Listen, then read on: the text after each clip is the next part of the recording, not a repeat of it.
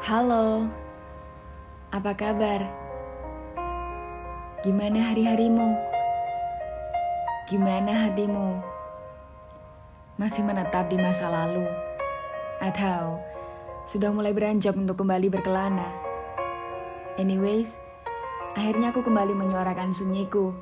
Kali ini aku mau bahas tentang sosok yang ya bisa dibilang mendominasi duniaku selama kurang lebih tiga tahun belakangan ini. Maaf ya kalau aku terkesan sedikit egois di suaraku kali ini. Tapi sejak dulu, aku sangat ingin bercerita tentang dia. Entah, entah dia akan tersipu atau malah marah besar karena aku bercerita tentangnya kepada semesta. Aku nggak menghiraukan responnya sih, tapi semoga aja dia nggak marah dan menyuruhku untuk take down suaraku kali ini. Mulai dari mana ya? Hmm, dari sini saja ya. Di mataku, dia adalah sosok yang sangat ambisius.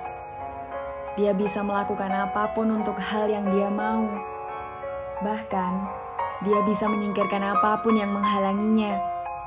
Kalau sudah sangat bersemangat, dia seolah enggak akan terkalahkan. Tapi, dia juga sesekali merasa lelah, sesekali bersandar, dan mengeluhkan kegiatan yang padat atau bahkan kedilemaan tentang bisnisnya yang dia rasakan kepadaku. Entah dia sadar atau enggak, aku sangat menyukai itu saat dia membagi resahnya kepadaku. Dia pernah bilang kalau dia suka buah alpukat, tapi selama ini enggak sekalipun aku lihat dia makan buah itu di depanku. Setauku, dia benci mie instan. Bikin badan gemuk katanya. Tapi lucunya, kita pernah membeli dua porsi mie instan di warung pinggir bendungan. Semua waktu yang menghadirkan dia sangat berkesan untukku. Walaupun semuanya terasa begitu cepat berlalu. Aku dan dia punya banyak kesamaan. Itu sih yang aku rasain. Kita sama-sama manja, sama-sama mudah marah, sama-sama mudah cemburu. Bahkan kita sama-sama keras kepala. Dan ya, dari banyak kesamaan itu, rasanya aku seperti sedang menghadapi diriku sendiri. Ternyata nggak mudah ya. Mungkin kalau ada orang bilang, Andai aja aku bisa memacari diriku sendiri, pasti aku nggak akan merasakan luka. Ah, itu nggak mungkin. Menghadapi diri sendiri itu nggak semudah itu. Karena harus menghadapi ego yang sama kuatnya dengan ego sendiri. Kisah aku dan dia nggak seperti novel romance yang begitu mesra dan berujung bahagia berdua.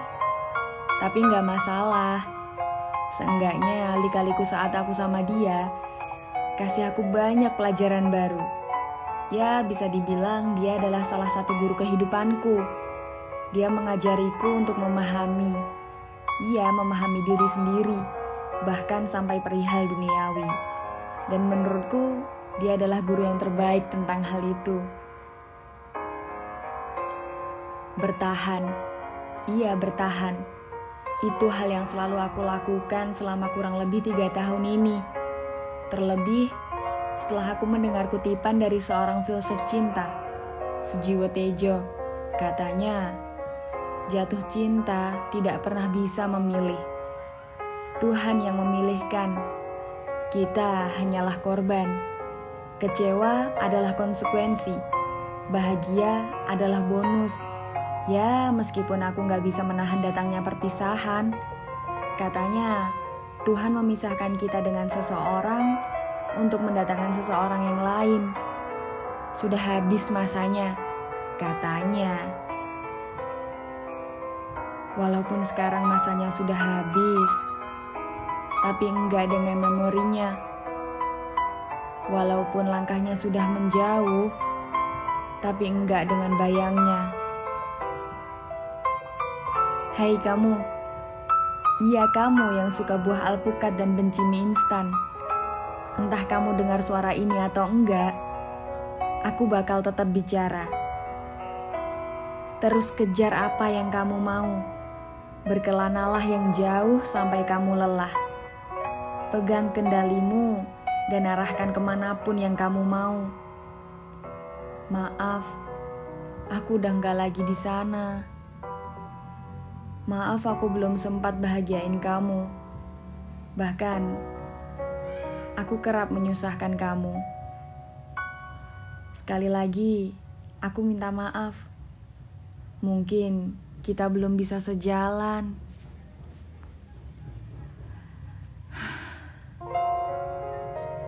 Duh, kok jadi sedih gini ya? Maaf ya, aku malah berbagi sedih. Tapi, aku bisa pastiin di suaraku berikutnya, aku bakal cerita lebih banyak warna hidupku. Terima kasih sudah mendengar. Terima kasih sudah hadir. Salam, aku.